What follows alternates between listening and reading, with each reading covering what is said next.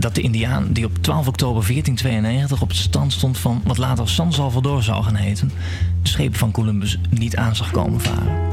Hij zag alleen vreemde rimpelingen in het water, doordat hij zich een schip niet kon voorstellen. Mensen zijn zo sterk geconditioneerd dat ze alleen dingen kunnen zien die ze kennen en mogelijk achten, zo luidt de moraal van het verhaal. We weten niet of het waar is, maar we weten wel dat het met de Indiaan slecht is afgelopen. In Scheep aan de Horizon praten we over de vreemde rimpelingen die we zien in de hedendaagse economie en samenleving. Van stoommachine tot Google Drive en van hypotone drank tot paleo-dieet. Van alles passeert de revue. En steeds vragen we ons af, wat zien we hier eigenlijk? En vooral, wat zien we niet, maar wat komt wel recht op ons af? Goedenavond en welkom bij Schepen aan de Horizon. Dit is aflevering 13 op 28 mei 2014. We gaan in het komende uur de toekomst van arbeid verkennen. Ik ben uw gastheer. Mijn naam is Maarten Brons. Maar hier in de studio zitten ook gespreksrijder Rick van der Klei, stuurman aan wal Ronald Mulder en onze factcheckers en lifehackers Juri Sepp en Likle de Vries. Welkom. Goedenavond. Hoi. Ook verwelkomen wij onze speciale gast van vanavond, filosoof Hans Harbers. Welkom. Dankjewel. Rick praat met Hans en Ronald in drie gesprekken over de toekomst van arbeid. Liekle en Juri houden de online horizon in de gaten. We hebben nog twee bijzondere muziekstukken, maar eerst zijn er de rimpelingen. Een korte blik op de actualiteit. Juri staat op het voordek en heeft de verrekijker in de hand. Juri, vertel.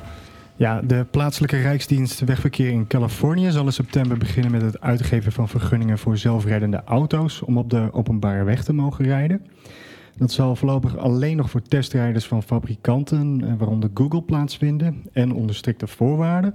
Maar toch, uh, hopelijk kunnen we binnen een paar jaar zelf uh, de zelfrijdende auto ook in Nederland verwachten. Italië heeft aangekondigd ook zijn grijze en zwarte economie te willen meetellen in het nationaal product. Hierdoor komt het land waarschijnlijk in één klap binnen de EU-normen voor het begrotingstekort en de staatsschuld, die immers wordt uitgedrukt als percentage van het nationaal product. Uh, wij vermoeden dat het nationaal product en het stelsel van nationale rekeningen, dat dateert uit de jaren 30 van de vorige eeuw, zijn langste tijd heeft gehad uh, als belangrijkste baken van het economisch beleid. En als laatste uh, onderzoek van GGZ Nederland laat zien dat in de geestelijke gezondheidszorg inmiddels ruim een kwart van het geld opgaat aan controle en verantwoording. we hebben het dan over ruim een miljard euro die niet wordt besteed aan zorg, maar die verdwijnt in de verantwoordingsbureaucratie. Uh, we verwachten dat hier binnenkort uh, de wal van het schip zal keren en dat we experimenten, experimenten kunnen gaan zien met een beetje minder controle en een beetje meer vertrouwen. Fantastisch. Bedankt Jury. Voor het eerste gesprek van vanavond geef ik de microfoon aan Hans Harbers, Rick van der Klei en Ronald Mulder. Ja, heel graag. Hans Harbers is uh, aan de Rijksuniversiteit Groningen universitair hoofddocent filosofie van wetenschap, technologie en samenleving. En dat al een kwart eeuw. Waarom, ja. waarom die technologie? Wat fascineert jou daar zo aan, Hans Harbers? Nou, ik ben begonnen als wetenschapsfilosoof. Eh, dat ging over de relatie eh, wetenschap-samenleving. En dan nou, van wetenschap kom je op technologie. En dan komt technologie ook in je, in je pakket. Eh, dus in die zin, ja, alles wat met wetenschap, technologie en vernieuwing te maken heeft... en de maatschappelijke consequenties daarvan, dat was mijn... Uh, niet mijn beginpunt, maar daar ben ik in verzeild geraakt. Oké, okay, zullen we de allergrootste maatschappelijke consequentie van technologische vooruitgang uh, eerst maar afbakenen? Gaan wij, de mensheid, ooit worden overgenomen door de robots? Nee, natuurlijk niet. Want die robot die moet op zijn minst aangezet worden. Dus die robot, daar begint de misvatting al. Wij versus de techniek. Wij zijn niks zonder de techniek. Die techniek is niks. De techniek is niks zonder ons. Hoe mijn uitgangspunt bij al dit soort gedachten is een soort relationele theorie dat entiteiten altijd afhangen van andere entiteiten. Dat een entiteit wordt gemaakt door andere entiteiten. Ik ben een boerenzoon omdat ik in een boerenfamilie ben, geboren. Ik ben een filosoof omdat ik aan een filosofische faculteit werk. Wat ik ben is niet iets essentieels gegeven van mij... maar is door alle relaties, netwerken die ik in de loop van mijn leven ben aangegaan.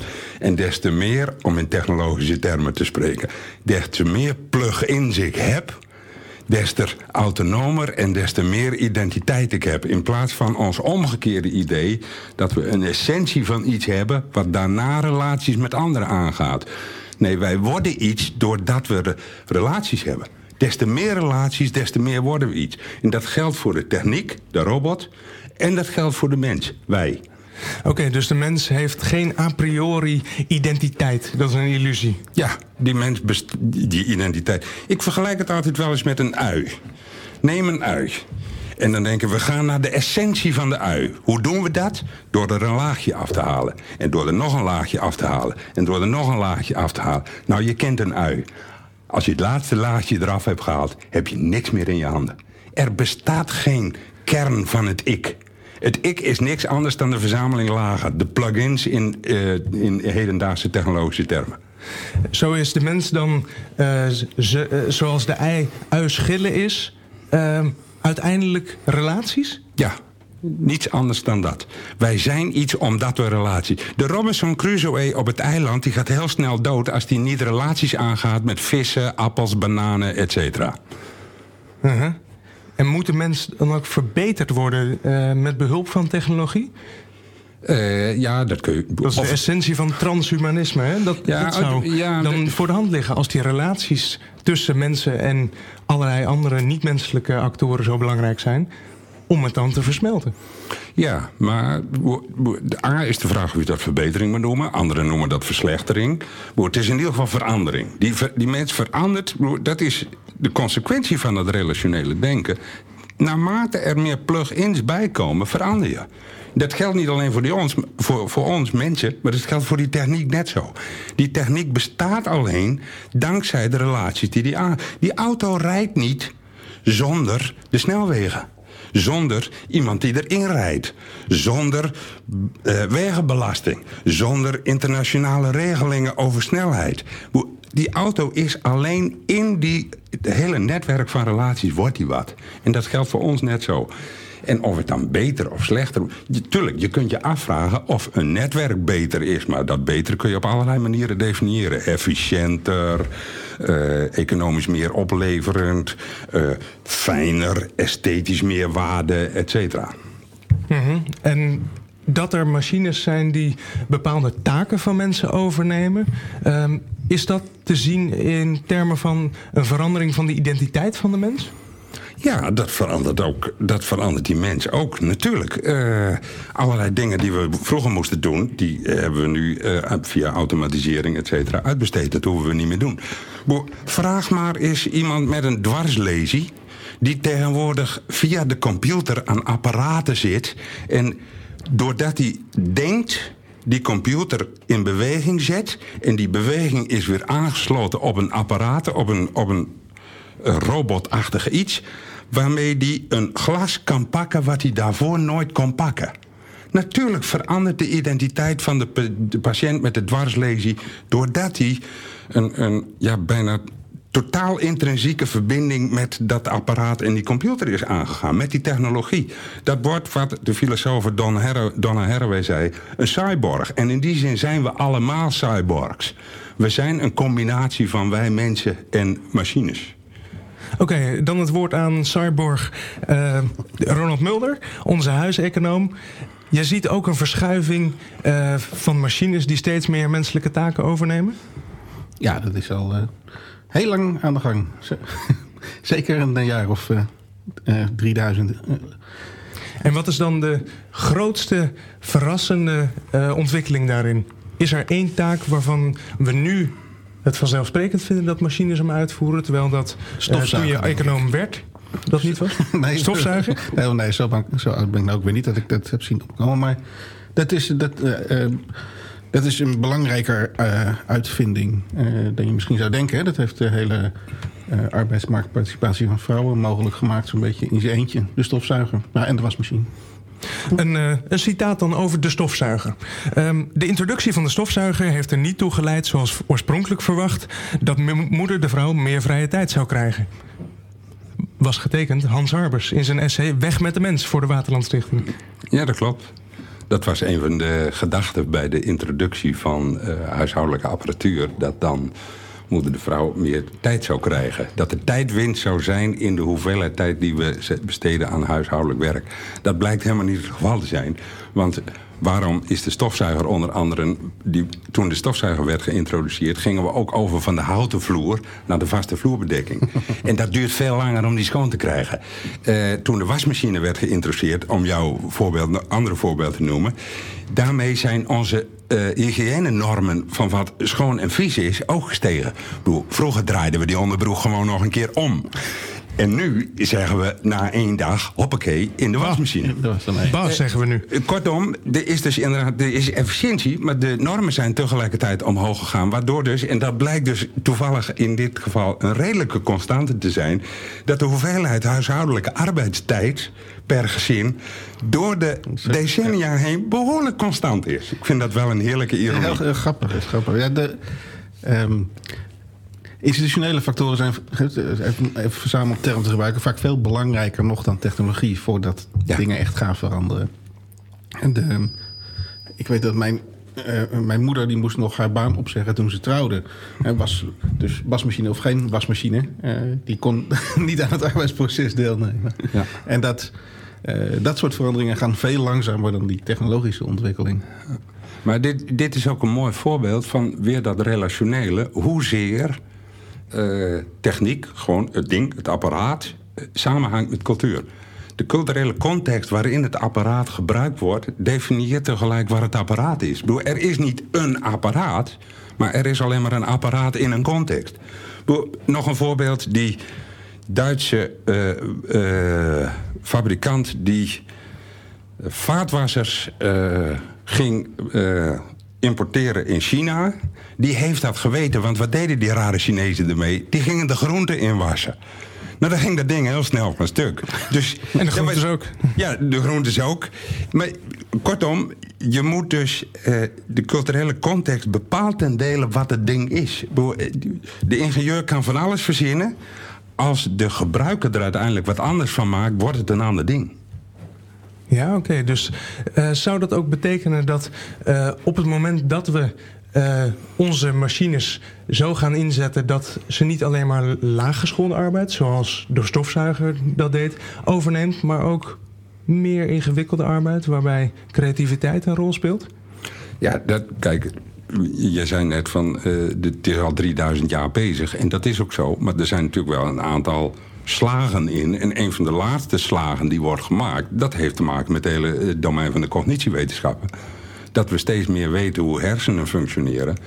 Waardoor dus die cognitiewetenschappers ook steeds meer gaan denken van... hé, hey, kunnen we dat hersenproces, delen daarvan, op computerniveau, op robotniveau, maar uh, artificieel, artificiële intelligentie, kunnen we dat reproduceren? Kijk, dat is dat is toch heel wat anders opeens dan een klassieke machine uh, van de Ford-fabrieken. Uh, dan krijg je dus inderdaad zelfdenkende systemen en misschien zelflerende systemen.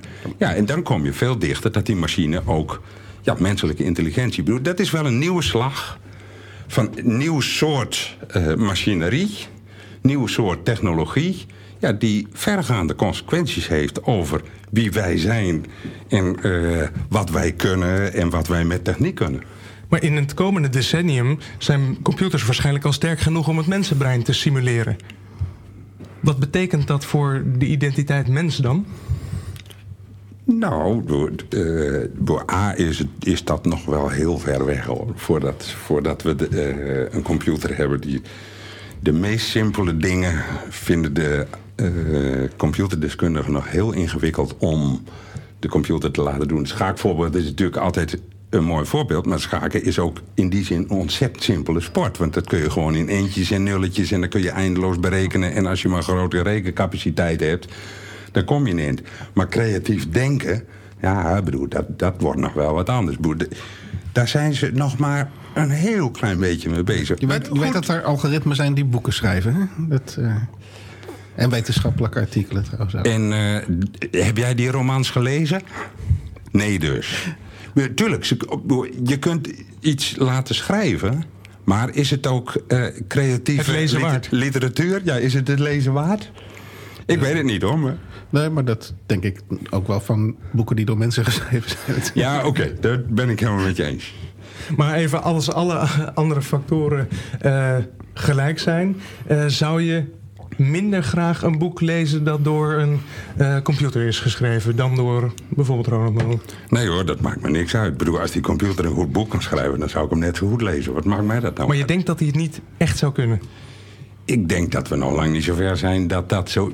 Wellicht is dat, uh, is dat ooit mogelijk, wie weet. Maar Ronald Mulder heeft er meer vertrouwen in, lijkt het. Ja, ik denk dat een jaar of tien wel een aardige schatting is. Uh, ja. En wat zou dat betekenen voor ons als arbeider?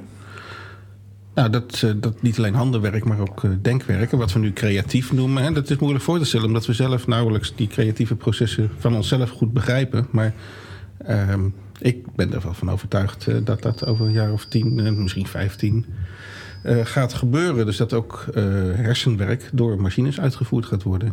En dat, ja, wat dat betekent economisch, dat het is een een, in principe een arbeidsbesparende uh, ontwikkeling natuurlijk. Hè. Dus er worden, op korte termijn is het resultaat dat mensen werkloos worden. Ja, en, Maakt dat jouw zorgen, Hans?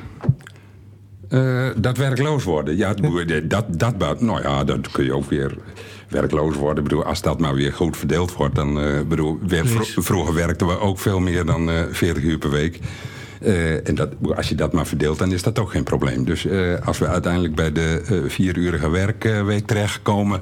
door dit, wat ik nog lang niet zie hoor... Maar, stel dat dat zou kunnen, dan maakt me dat ook helemaal niks uit.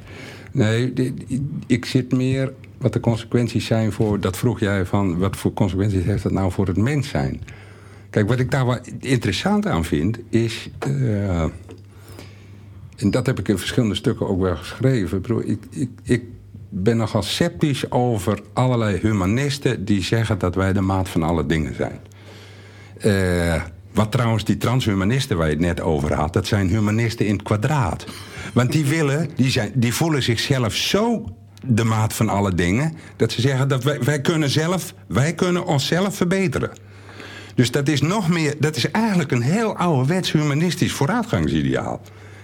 Terwijl ik denk van... Nou, een onderscheid ten opzichte van de klassieke humanisten... zou dan toch zijn dat de grens van de mens meer ter discussie gesteld wordt.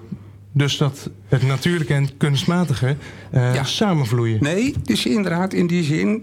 Dat klopt, maar ze nemen van het, van het humanisme over... dat staat ook in het klassieke humanisme... van vooruitgang, rationaliteit, verwetenschappelijking. En daar, daar zetten ze juist alle kaarten op. Terwijl ik denk van dat voorbeeld wat jij geeft... Dat, stel dat er zo'n computer komt die op bepaalde punten vergelijkbaar is met de mens of zelfs beter is dan de mens. Dat geeft ook misschien wel te denken over onze positie. Dat wij helemaal niet zo dat centrum van die wereld zijn. Dat wij helemaal niet de maat van alle dingen zijn. Maar dat soms de dingen ons ook de maat nemen.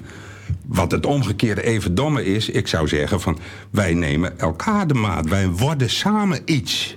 Maar wij zijn niet de, de auteur van dit gebeuren. En dat is wat de transhumanist die denkt nog steeds dat de mens de auteur van het gebeuren is. En ik denk van dat vind ik dus nogal een humanistische illusie.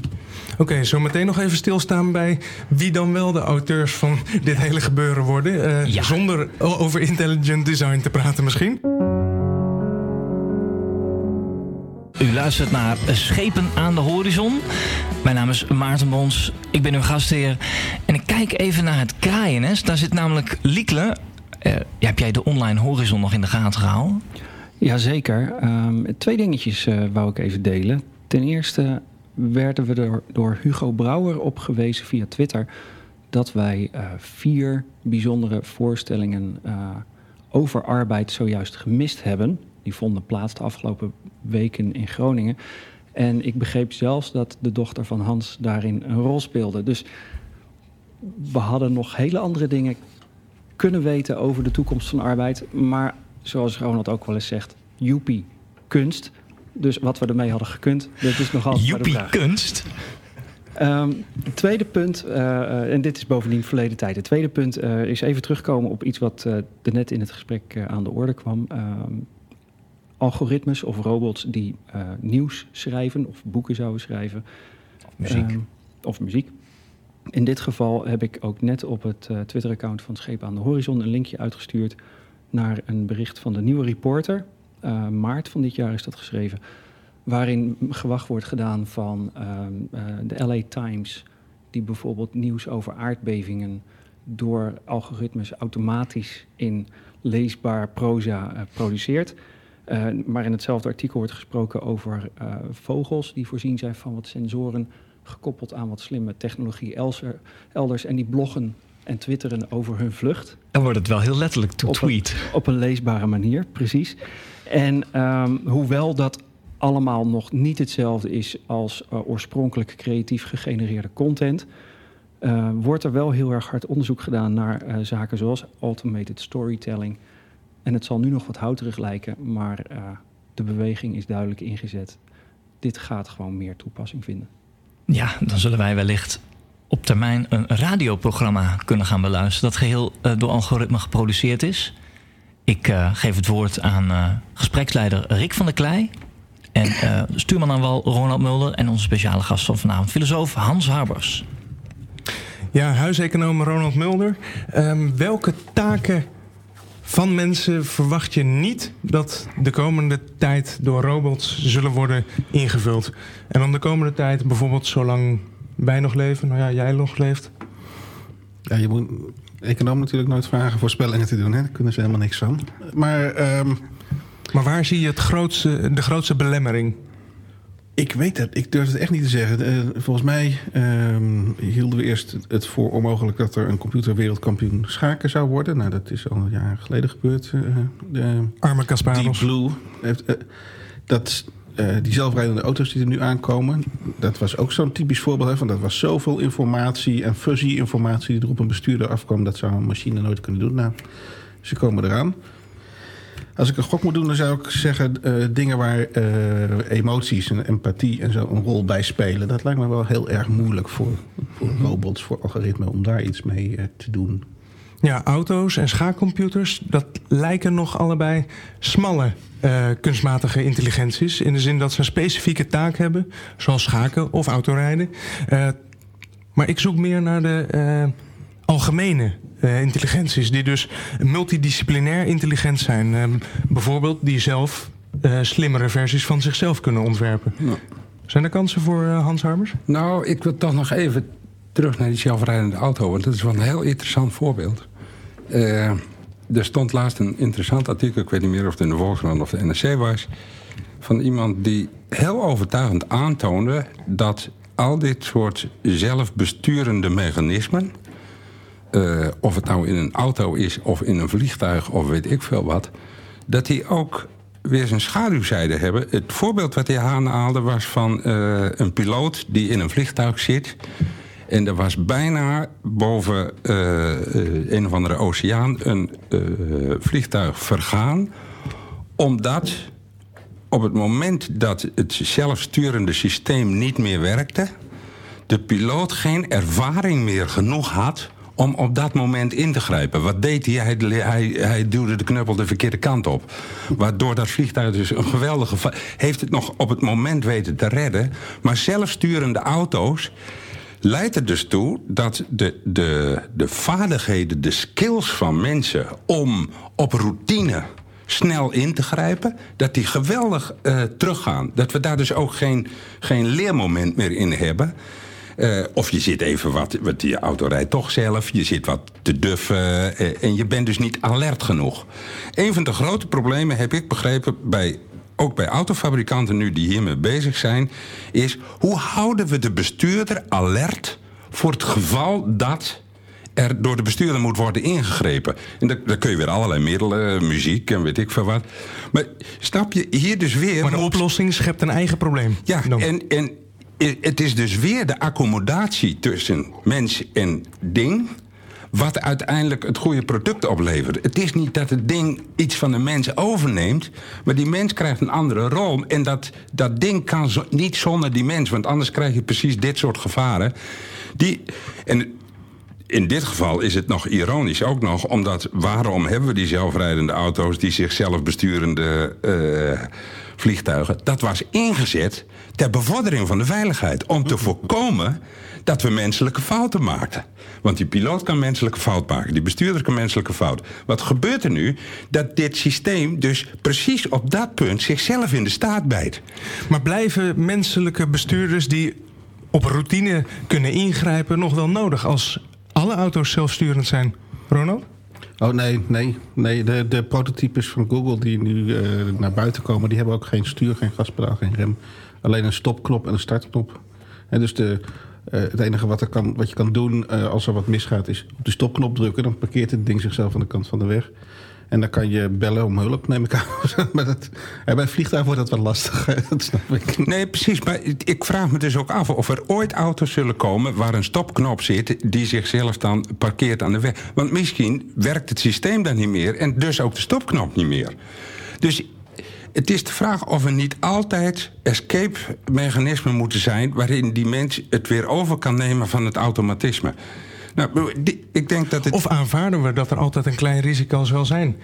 En richten we onze technologische systemen zo in dat dat risico heel klein is? Ja, dat kan natuurlijk ook nog. Dat als inderdaad de technologie zo goed is dat het aantal dooien wat door het uitvallen van de technologie minder is dan uh, de sukkeligheid van uh, drijven, uh, rijdende mensen nu, ja, dan kun je dat risico afwegen. Waarom niet? Daar nou, waarom niet? Mee. Uh, bijvoorbeeld, uh, wie is er dan nog verantwoordelijk als het wel misgaat? Ja, dat. dat Ronald? Als, als ik. Um, dit zijn van die. Um, kijk, het gekke is dat aan nieuwe technologieën worden. Daar worden al dit soort vragen aan gesteld. Hè? Um, daar worden marges opgelegd die duizend keer strenger zijn dan we aan bestaande systemen stellen. Um, dus dat, ik denk dat dat een soort een vorm van koudwatervrees is. Het, moet, het nieuwe moet uh, extreem veilig zijn. En er wordt extreem hard over nagedacht van wat als, wat als, wat als. Natuurlijk, nadenken, dat kan nooit kwaad. Maar uh, dat, uh, we gaan dat wel accepteren op een gegeven moment. Hoe zou het komen dat we zoveel strenger zijn over die technologische systemen... dan over onze menselijke systemen, namelijk onze eigen bestuurders? Hans? Zijn we dat zo? Dat weet ik niet. Ik bedoel, we hebben allerlei technologie ontwikkeld... Uh, die allerlei nieuwe problemen hebben gecreëerd. Het gaat in de ozonlaag, salmonella, kippen, uh, noem ze maar op. Dat zijn allemaal nieuwe risico's, nieuwe problemen die zijn ontstaan... dankzij ons economisch en technologisch succes. Dus er zit een vooronderstelling in jouw vraag die ik betwijfelt of dat wel zo is. Of we nou na technologie zoveel strenger zijn in dit soort onbedoelde consequenties dan naar menselijk handelen. Dus ik, ik weet het niet. Ik wil nog wel even... Dus we zijn helemaal niet strenger over die machines, Ronald? Um, nou, in algemene zin, ja, dit zijn tegenvoorbeelden. In het geval van de auto denk ik dat, dat, we, dat, wel, uh, dat we het wel zijn. Zelfs bij elektrische auto's al. Daar, uh, voor, voordat uh, die goed worden gekeurd, de, het bekende verhaal van de Tesla, waar er een paar van in de fik vlogen. En dat ging de hele wereld over. Terwijl er van andere modellen veel meer in spontaan ontbranden. En dat, maar ja, dat gebeurt nou eenmaal al tientallen jaren. Dus dat vinden we niet meer zo erg. Mag ik nog even op jouw verantwoordelijkheidspunt terugkomen? Want dat vind ik dus ook interessant. En dat heeft te maken met het, wat ik eerder zei, dat relationele karakter. Dat wij niet de maat van de dingen zijn en dat de dingen niet uh, uitsluitend ons de maat nemen, maar dat we in relatie zijn. Dat heeft ook gevolgen voor de verantwoordelijkheidsvraag. Dat je niet kunt zeggen, er is als die twee elkaar maken, mensen en technologie... dan kun je ook niet zeggen... de technologie is verantwoordelijk of de mens is verantwoordelijk. Het is precies de samenhang dus tussen die twee. Ik heb zelf ooit eens een, uh, uitgezocht... Misschien weten jullie dat nog, misschien ben je er te jong voor. Het neerstorten van de F-16 boven Hengelo in de jaren 80, 90. Uh, Dat, ze- die stortte daarboven een wijk neer. Diezelfde avond nog voor het journaal. En dat zie je bij al dit soort dingen. Was het een technische fout of was het een menselijke fout? En dat heeft natuurlijk onmiddellijk met die verantwoordelijkheidsvraag van jou te maken. Als je dat nou gaat analyseren, zo'n piloot in zo'n cockpit. Ja, daar is daar kun je het onderscheid tussen mens en techniek helemaal niet meer maken. Wij zitten hier zelfs met koptelefoons op in een studio, omgeven door techniek. En we praten eh, voor het publiek dankzij al die technologie. Eh, dus in zo'n situatie is dat hele onderscheid tussen, eh, tussen de, het menselijke factor en technologische factor, nou ja, dat kun je helemaal niet maken. Dus daar wordt de verantwoordelijkheidsvraag nog wel gesteld. Maar dat is niet van wie heeft de verantwoordelijkheid... maar wie krijgt de verantwoordelijkheid toegeschreven. Dus dat zit niet in de aard der dingen of in het aard van het mens... maar dat is, dat is zelf een politiek toeschrijvingsproces. Oké, dat geldt al in principe voor de taken die we überhaupt verdelen in de economie. Eh, dat we daar ehm, een keuze voor maken. Dit moet de mens dan zelf doen, wie de mens dan ook nog is. Eh, dat mogen we wel automatiseren. Waarvan hoop je, Ronald, dat het niet geautomatiseerd wordt? Of maakt het jou niet uit? Ehm, ik denk dat, eh, ja... De liefde, Ronald. De liefde. Ik wou het net Eh, zeggen. ehm, Waarom? Waarom is dat bezwaarlijk? De- eh, nou, dat lijkt me leuker om zelf te blijven doen. maar dat, dus dat, kijk, alles wat. Maar, als je dat, het niet dat is natuurlijk, er is een heel, Het is heel goed geautomatiseerd. er is natuurlijk een, eh, ik zeg van welke, wat, wat voor. Arbeid, dat zijn twee eh, beelden van. Hè? Arbeid is een, is, een, is een last, is een, eh, een offer wat je brengt, is eh, nodig om productie te maken. Nou, in die zin mag van mij alles geautomatiseerd worden. Hoe meer, hoe beter. Hè, dat, alles wat je vervelend vindt, dat mag geautomatiseerd worden. Maar jij werkt ook om andere redenen. Precies, precies. Hè, ik werk voornamelijk omdat ik het leuk vind. Hè. Ik ben nieuwsgierig. Ik vind het leuk om artikelen te schrijven, om radioprogramma's te maken. Ehm, en ik hoop dat ik dat kan blijven doen en dat dat niet weggeautomatiseerd wordt. Dus dat, dat soort eh, arbeid, dat... Maar goed, dat is, eh, daar ben je zelf bij. Hè? Dat, eh, waarom, zou, waarom zou iemand dat wegorganiseren? Ja, en toch ook op dit vlak.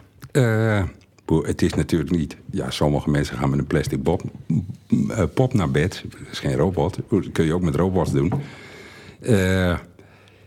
En toch, ik denk ook techniek kan zelfs in het gebied van de liefde weer veranderingen teweeg brengen. Ik bedoel, daten op internet. Hoeveel gelukkige huwelijken zijn er inmiddels niet dankzij internet? Eh, datzelfde internet zorgt ook voor allerlei eh, rare activiteiten van pedo's met jonge meisjes. Eh, maar dus het, het, het kan bij de collateral damage. Dat is jammer. Ja, maar het, ook in het, eh, op dat soort niveaus van liefde, intermenselijke relaties, heeft die techniek weer allerlei prettige eh, bijkomstigheden. Ik bedoel, de robotontwikkeling nu in de zorg. Dat is eh, zo'n voorbeeld wat er echt aan gaat komen. Bejaardenzorg, internationaal, dat die robot steeds meer daar een rol gaat spelen. Er ontstaan affectieve relaties tussen bejaarden en hun robot. Wederzijds? Ja, er zijn ook robots die eh, inmiddels eh, eh, emoties kunnen herkennen van menselijke gezichten en daar weer op kunnen reageren. Dat eh, brengt ons terug bij de vraag waar eh, Hans zo provo- provocatief al mee begon. Zijn we meer dan de schillen van de ui? Zit er nog iets boven eh, onze chemische processen dat bijvoorbeeld bij liefde zo onvervangbaar is dat we daar geen machines aan toevertrouwen? Maarten. Ja, in de Zweedse serie Ekta Menneskor, oftewel echte mensen, zien we dat eh, in de eerste paar seizoenen die schillen langzaam maar zeker worden afgepeld. Dat is trouwens een tip van eh, Hans, jouw nichtje. Dit is Schepen aan de Horizon.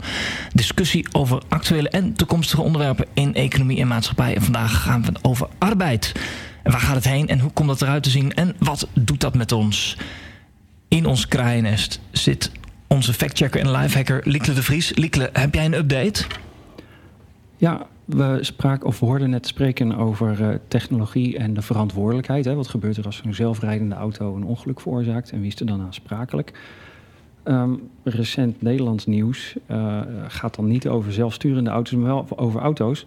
Als je een bestaande auto dusdanig begrenst dat hij niet harder dan 45 km per uur rijdt, dan mag een 16-jarige zonder regulier rijbewijs daar op de openbare weg mee rondrijden. Hoeft niet eens wegenbelasting te betalen. Het enige wat hij niet mag is op de snelweg rijden.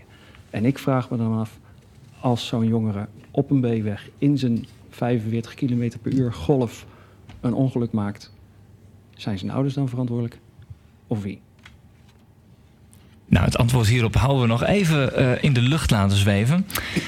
Naast mij zit een gespreksleider Rick van der Klei, stuurman aan wal en huiseconoom Ronald Mulder en onze speciale gast van vanavond, filosoof Hans Harbers. Ik geef het woord aan jullie heren, steek van wal. We spreken over de toekomst van arbeid, beïnvloed door technologische vooruitgang. Ronald Mulder, onze huiseconoom, uh, leidt technologische vooruitgang tot structurele werkloosheid van de mensen uiteindelijk? Nou, nee, uiteindelijk niet. Um, en de, het economische antwoord is: menselijke behoeften zijn onbeperkt. Hè, dus we verzinnen wel weer iets anders waar we uh, productie op gaan draaien. Um, en net zoals de, uh, eerder in het gesprek de stofzuiger uh, uiteindelijk niet leidde tot minder tijd aan huishoudelijk werk besteed. Um, nou, zo, zo zal robotisering, kunstmatige intelligentie ook niet op den duur niet leiden tot structurele werkloosheid. Daar komt wel weer wat voor in de plaats. Op de korte termijn is het natuurlijk anders. Want je hebt aanpassingsprocessen, mensen moeten nieuwe, leren, nieuwe dingen leren. Dat kan niet iedereen meer. Uh, dus natuurlijk zit tussendoor wel wat werkloosheid. Uh, ja, dat, dat, uh, dat is het antwoord, Rick. Op den duur komt alles goed. In de long run. Oh, gelukkig. Maar voor jou is arbeid ook een kwestie van zelfontplooiing. Jij ontplooit jezelf door te werken. En niet alleen voor Niet alleen maar door je primaire behoeften te bevredigen. ja, en dat geldt niet alleen voor mij. Mensen die ontlenen ook hun maatschappelijke status vaak. Hun, hun, hun nou, het belangrijkste van hun identiteit aan het werk wat ze doen. Uh, dus het is heel naar om werkloos te zijn, natuurlijk. Um, aan de andere kant um, is... Mensen gaan altijd wel weer wat doen, hè?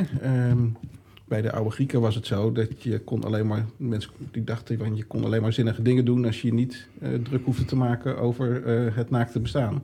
Dus dat, dat was geregeld. En dan gingen die mensen belangrijke dingen doen, zoals toneelstukken schrijven en over politiek praten en zo. Um, wat we nog even moeten oplossen tussendoor, is, is hoe het inkomen verdeeld wordt. Als die robots al het werk gaan doen. Um, en de eigenaren van... Die hebben toch geen inkomen nodig? Nee, maar en, en die zijn allemaal van Google. die, en uh, Google verdient al het geld. Uh, dan, dan hebben we wel een probleem. Dan, uh, dus mensen en geen werk en geen inkomen hebben, nou, dan, dat is erg vervelend. Waarom? Um, omdat ze dan geen eten kunnen kopen, geen huur kunnen betalen, dat soort dingen. Hoezo? Ze kunnen toch hun eigen machines daarvoor inzetten? Ja, of denk je dat, dat Google alle apparaten uh, die in onze primaire levensbehoeften voorzien, uh, zelf in bezit zal hebben? Ja, dat, is, dat is een beetje de hamvraag. Hè? Dat, uh, om het simpel te stellen, van wie zijn de robots straks? Als de, ik zeg altijd van nou, als, als de, de robots mogen best al het werk inpikken. Als ik gewoon een robot heb die ochtends naar mijn werk gaat en mijn salaris verdient. uh, hij heeft zelf alleen maar een paar drupjes olie nodig. En verder uh, kan ik met dat geld leuke dingen doen. ja, prima natuurlijk. Maar nou, als die robot. Als de technologie dus niet van de mensen is, als de productiemiddelen niet van de arbeiders zijn, nou, dan ontstaan er wat problemen. Ja, Zie je die problemen ook zo, Hans? Ja, dit is één probleem. Inderdaad, van wie wie gaat er over die robot? Van wie is die robot? Een andere is, bro, je had het net, je, je begon met de vraag: uh, leidt robotisering, automatisering tot structurele werkloosheid? Dat, natuurlijk, uh, robots, uh, technologie leidt tot arbeidsbesparing. gelukkig wel, zou ik zeggen, want daardoor hebben wij een 40-urige of mindere werkweek en niet meer een 80-urige werkweek zoals 100 jaar geleden. Dat is één. Eh, er komt ook altijd nieuw werk voor in de plaats. Uh, jij had het al over dat drupje olie. Die, die uh, robot die moet wel ook ingeplucht worden. En er zijn onderhoudsmonteurs, et cetera. Kijk maar naar de Kameronderzoek nu naar de ICT-projecten. ga eens even kijken hoeveel mensen daar werk in hebben in die wereld. Ontzettend veel. Maar een, een ander probleem is, behalve dus het eigendom van, uh, van de technologie... is ook of, hoe die arbeidsbesparing inderdaad verdeeld wordt. Uh, en kijk, daar zit natuurlijk wel een reëel maatschappelijk probleem... dat die technologie, de arbeidsbesparing... altijd het makkelijkste is bij de meest simpele banen. Bij het meest simpele werk, want dat kan het snelst worden overgenomen door een machine, door nou, een robot of wat dan ook. Dus het is vaak de onderkant van de samenleving die het eerste op arbeidsgebied dit voelt. Kortom, dat betekent. Want die kunnen niet allemaal dat werk doen zoals die 46.000 werknemers van Google. Uh, dat betekent dus dat als die uh, saai werk waar ze niet meer voor in aanmerking komen en werkloos worden, dat je ze moet omscholen tot ander werk. Uh, en daar heb je dus het verdelingsvraagstuk. En inderdaad, die, die hoogleraar, uh, die, uh, die, die poëet, de schilder... die zullen nog niet onmiddellijk door de robot vervangen worden. Maar ja, dat hebben we natuurlijk in de automatisering in productiewerk gezien. Daar vallen er wel allerlei mensen uit. Die moeten we vervolgens, daar moet je iets mee. Dus in die zin levert dat gewoon een verdelingsvraagstuk op. Ja, maar die kunnen toch ook andere dingen gaan doen? Ja, maar dan moet je ze wel daartoe scholen. Uh, kortom, weer technologie functioneert in maatschappelijke verhoudingen tussen uh, ik en de technologie, maar ook in ruimere zin van maatschappelijke verhoudingen. Die technologie doet iets met onze maatschappelijke verhoudingen. Soms ten gunste, maar in dit soort gevallen soms ook ten ongunste. En daar moet je dat dan wat aan doen. Wat gaan mensen doen voor werk die worden vervangen door uh, robots omdat hun werk uh, bijvoorbeeld repetitief is, makkelijk programmeerbaar, kortom? Ronald, wat gaan die mensen dan doen? Ja, dat, dat, Voorlopig niks? Dat uh, hangt er een beetje vanaf. Bijvoorbeeld van of ze nog wel inkomen hebben. Hè? Als, je, als je je baan verliest, buschauffeur, een buschauffeur die als Google uh, zo doorgaat dan met zijn zelfrijdende auto's, dan zijn er straks geen buschauffeurs meer nodig.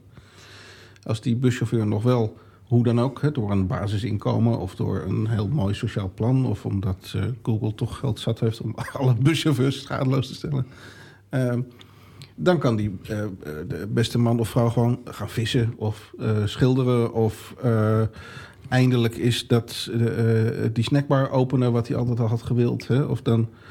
Um, Oma verzorgen. Of, of zorgtaken op zich nemen, precies. Um, dan is er niet zo'n groot probleem. Als die er ook nog maar in zijn levensonderhoud moet voorzien met, dit, met dat nieuwe werk, ja, dan wordt het wat vervelender. Dan wordt, is de spoeling natuurlijk dunner. En dat vind jij ook een moreel probleem, Hans? Nee, dat, we, dat we die technologie zo ontwikkelen dat er banen verloren gaan voor juist de zwakke mensen in onze maatschappij? Ja, dat noem ik geen moreel probleem, dat is een politiek probleem. Ik ben niet zo van de moraal. Uh, maar wel van de politiek. Uh, bedoel, morele problemen zijn uiteindelijk want, want altijd politieke problemen. Politiek bestaat zonder moraal. Uh, nou, door al te veel moraal in de politiek, daar krijg je hele foute dingen van. Dat zie je maar al te vaak in de politiek. Nou, bedoel, dat, hangt, die... dat, hangt, van de moraal af. Ja, maar die moraal is vaak altijd dat men denkt dat men de enige juiste moraal heeft. En dan krijg je een hoop oorlog van. Oké, okay, er even vanuitgaande dat we nog de pluralistische democratie houden die we nu hebben. Um, zie je een probleem uh, voor onze maatschappij doordat die zwakke mensen eerder vervangen worden uh, dan bijvoorbeeld een universitair hoofddocent. Ja, dat is dus een verdelingsvraagstuk. En dat geldt uh, vooral nog niet eens zozeer op, op nationaal niveau. Dat geldt nog veel meer op mondiaal niveau. Goed, dat, is dus, dat heeft onmiddellijk te maken met internationale verhoudingen. Ik bedoel, wij Westelingen hebben altijd op dit punt voorgelopen. En met die technologie kan dat, dat gaat misschien alleen maar groter worden. Dus de internationale ongelijkheidsverhoudingen, ja, die zijn hier prominent aanwezig. Maar zeg niet te snel dat het alleen laaggeschoold werk is. Dat dit, dit, het zijn juist kunstmatige intelligentie bijvoorbeeld. Uh, artsen, rechters, uh, dat, dat, dat zijn beroepen, bankiers, haha, um, die kan je heel makkelijk. Die zeker? Die kan je heel makkelijk uh, vervangen door algoritmen, algoritmen die het dan ja. ook nog beter blijken te doen. Het is, de, het is de vraag of mensen het accepteren als een robot recht over ze spreekt. Maar uh, het is heel goed denkbaar dat dat soort beroepen ook uh, weggeautomatiseerd ja. worden in de komende jaren. En dan. Um, dat is politiek natuurlijk interessant, hè? dat het probleem niet alleen maar bij de arbeidsklasse ligt, maar ja. veel breder. Dus ik krijg andere soorten oplossingen dan we gewend waren, denk ik. Chirurg is ook een mooi voorbeeld. De toenemende robotisering in de chirurgie. Ja, en kan die dan, die nieuwe robot die uh, ons gaat opereren, ons ook met dezelfde warme glimlach aankijken als de chirurg in het ziekenhuis nu? Het is altijd lente in de ogen van uh, de robot van de chirurgassistent. Wat ons betreft kan die technologische vooruitgang voor heel veel um, maatschappelijke winst zorgen. Maatschappelijke winst in de zin van uh, minder zinloos werk door mensen gedaan. Uh, we vragen ons daarbij wel af of er ook taken zijn die robots nooit zullen kunnen overnemen. En of er misschien ook een autonoom systeem gaat ontstaan van robots die zichzelf uh, slimmer kunnen maken. En misschien wel slimmer kunnen reproduceren en uiteindelijk ons helemaal zullen overnemen. Voor Hans Harbers lijkt dat niet echt een zorg. Nee, ik denk dat wij. Uh, die robots kunnen niet zonder ons, wij niet zonder de robots. Dat klinkt als een voortreffelijke slotconclusie. Dit was de dertiende aflevering van Scheep aan de Horizon. Het is vandaag 28 mei. Volgende maand gaan we over privacy praten. En ook dan uh, is het weer op de laatste woensdag van de maand. Live in de FM-eter en daags erna online. Op onze website sidh.nl. En daar kunnen we sinds kort ook bitcoin-donaties ontvangen. Dus doneer wat u wilt als het u iets waard is. Schepen aan de horizon wordt gemaakt door Rick van der Klei, Liekle de Vries, Ronald Mulder, Juri Sepp. Mijn naam is Maarten Brons. De techniek is in handen van Roelof Donker. Onze speciale gast van vanavond was Hans Harbers. Zeer bedankt voor je komst naar de studio. Graag gedaan. Dan nog dit. We zijn niet alleen online, maar ook offline beschikbaar. Kom gerust eens langs bij ons op kantoor elke maandagmiddag van 12 tot 4 bij Seeds to Meet aan de Eemscholaan in Groningen. Voor nu bedankt en tot volgende maand.